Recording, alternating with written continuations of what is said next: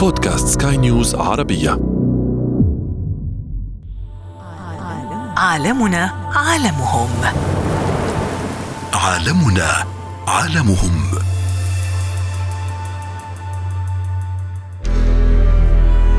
عراقيل أو معوقات لهذه الهجرة تتمثل في انه ممكن جدا تهاجر من مكان لمكان، المكان الجديد ده بالنسبة لها ممكن يكون فيه أمراض. غالبا أكثر من 90% من الطيور التي تهاجر لا تتكاثر في المواطن التي هاجرت اليها.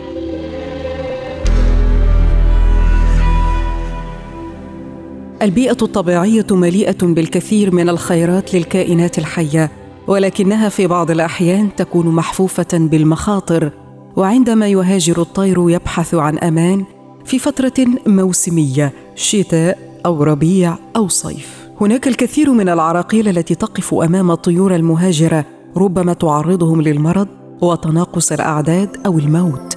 هناك مميزات وعيوب لهجرة الطيور لأنها عندما تترك بيئتها التي تعيش فيها تؤثر أحيانا بالسلب والإيجاب وهناك الكثير من المميزات في الهجرة التي تجعله يحافظ على تنوعه البيولوجي عالمنا يؤثر في عالمهم والعكس ولابد أن يكون هناك تكاتف من أجل حماية الطيور المهاجرة ومن أجل حماية بيئتنا وعالمنا على كوكب الأرض.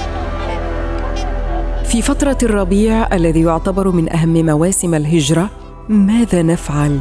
إنشاء موطن من الأشجار في حدائق المنازل للطيور المهاجرة وترك جذوع الأشجار والأغصان المتساقطة في مكانها لإيواء الحشرات التي تتغذى عليها الطيور. نعم هذا حقا يساعد الطيور على إنقاذ أرواحهم من الموت والانقراض. إنها فائدة الحشرات نتضرر منها ولكنها طعام للطيور للحفاظ على التنوع البيولوجي. تقليل النفايات البلاستيكية في المجاري المائية والبحيرات الصغيرة والبرك يقلل من احتمالية ابتلاعها فتنفق. السلطات المحلية والدولية عليها عبء كبير من خلال التشريعات الصديقة للطيور ونشر التوعية المجتمعية والالتزام بقوانين الصيد في لفتة عجيبة في أسراب الطيور.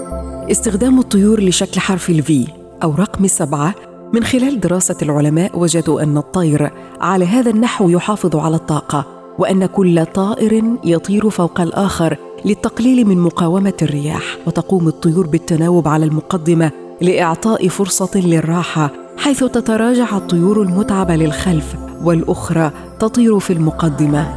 عالمنا عالمهم. عالمنا عالمهم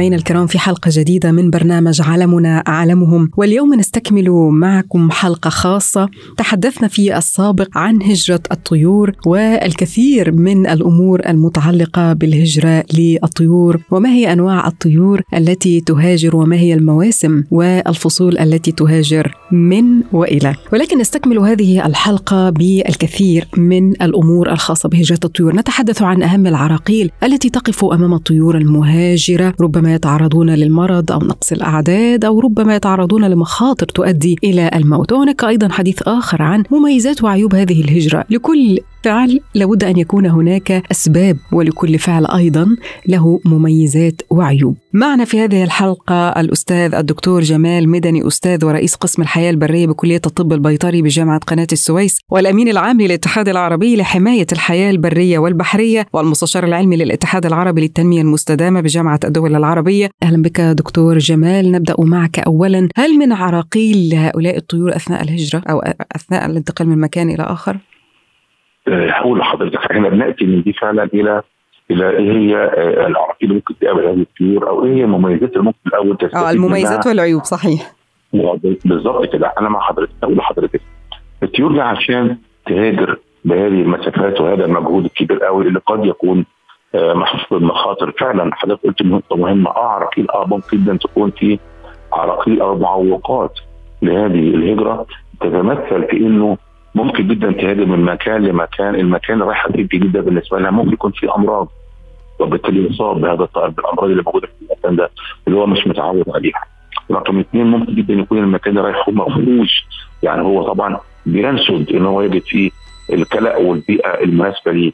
قد يجد أول ما ينزل في المكان ده قد يجد يجد مياه ملوثة بال heavy metals أو اللي هي المعادن الثقيلة أو بالملوثات أو بالمبيدات الحشرية أو بنباتات.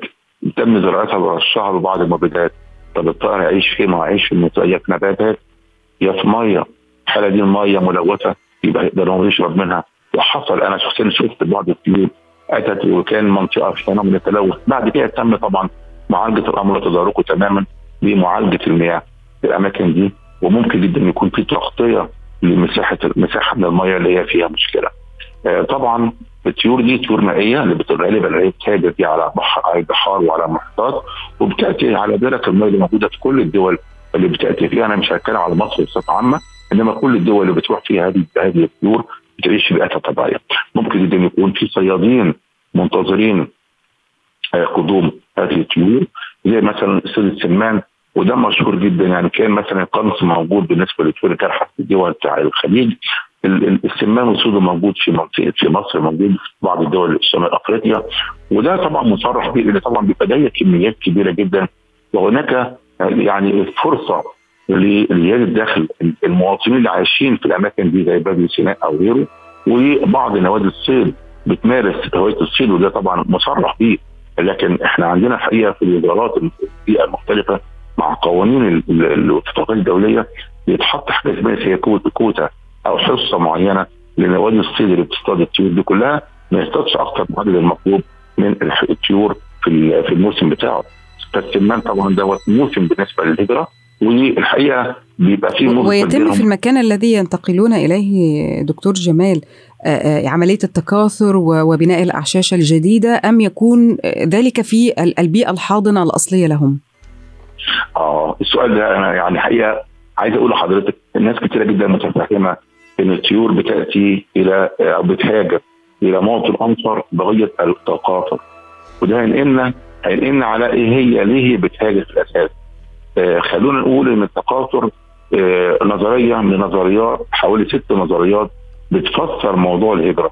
حضرتك بتسألي على موضوع إن هو هاجر لا الحقيقة الطيور المهاجرة غالبا أكثر من 90% من الطيور التي تهاجر لا تتكاثر المواطن التي هاجرت إليها. آه. ولكن ترجع لموطنها الأصلي. بالظبط كده ترجع لموطنها الأصلي، عشان كده ترجع فين؟ بترجع في الربيع. وهو موسم التزاوج في بلدها هناك اللي هي عارفاه.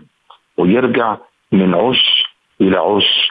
يعني الطائر ده جه مثلا من من شرق إيران إلى أفريقيا. بيعش ما هناك إلى عش هنا أو إلى بيئة هنا إلى بيئة معينة هنا. وبيبقى عارف مكان اللي رايحه فيه عبارة عن إيه؟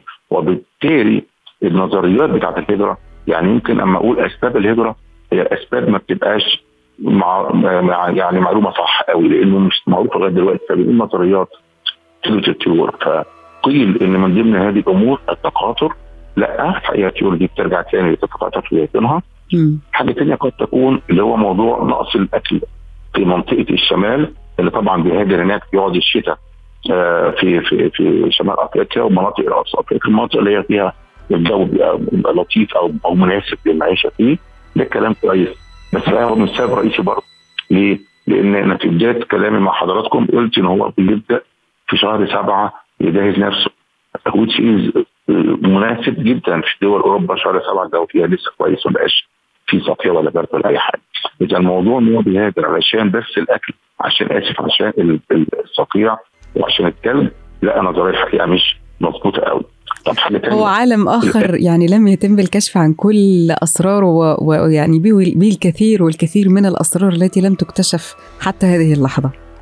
ده صحيح ده صحيح ده صحيح. اسرار كتير جدا منهم منهم النظرية تقول ان هو في قصر وطول النهار دوت بيبقى عامل مهم قوي وده فعلا أكثر نظرية للأقرب للحقيقة إن الطائر بيبدأ يحس إن النهار بدأ يقصر في المنطقة اللي هو عايش فيها أساسا. فبيبدأ يجهز في جناد في ولد موجود عنده. تدفعه إنه يبدأ يجهز لمساله الهجره بالاسم اللي قلنا عليه وهي الجزئية. وبالفعل عملوا تجربة سموها cross fostering experiment عبارة عن تجربة جابوا طيور بتهاجر في قفص كبير جدا جدا وحطوه في وقت غير وقت الهجرة. وعملوا الظروف البيئية اللي حواليه. تؤقلم كانه بالظبط في شهر 9 شهر 7 8 وبالفعل بدا الطائر يرفرف بجناحاته في اتجاه آه معين علشان يهاجر بالفعل فبالتالي حد كبير دي نظريه اكبر هو أقرب نظرية للعقل إذا مستمعينا الكرام وصلنا إلى ختام هذه الحلقة من حماية الطيور المهاجرة. ونشكر الدكتور جمال مدني على كل هذه المعلومات عن هجرة الطيور. نود أن يشاركنا المستمعين والمتابعين بأهم الأفكار الجيدة الفردية والجماعية التي ربما تساعد في حماية هذه الطيور المهاجرة وغير المهاجرة. شكرا جزيلا لك دكتور جمال مدني. عالمنا عالمهم. عالمنا عالمهم.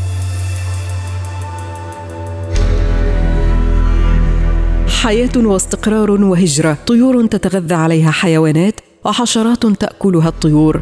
برودة شديدة وقلة غذاء تجعل الطيور تقدم على الهجرة. وهناك أسباب لم تكشف بعد عن أسباب الهجرة. عالمنا يكشف أسرار عالمهم. حفاظا على البيئة. يمكنكم المشاركة بعرض أفكار عن تشريعات صديقة للطيور فردية أو جماعية.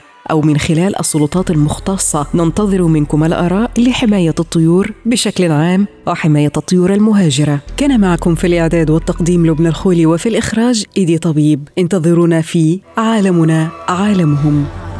عالمنا عالمهم. عالمنا عالمهم.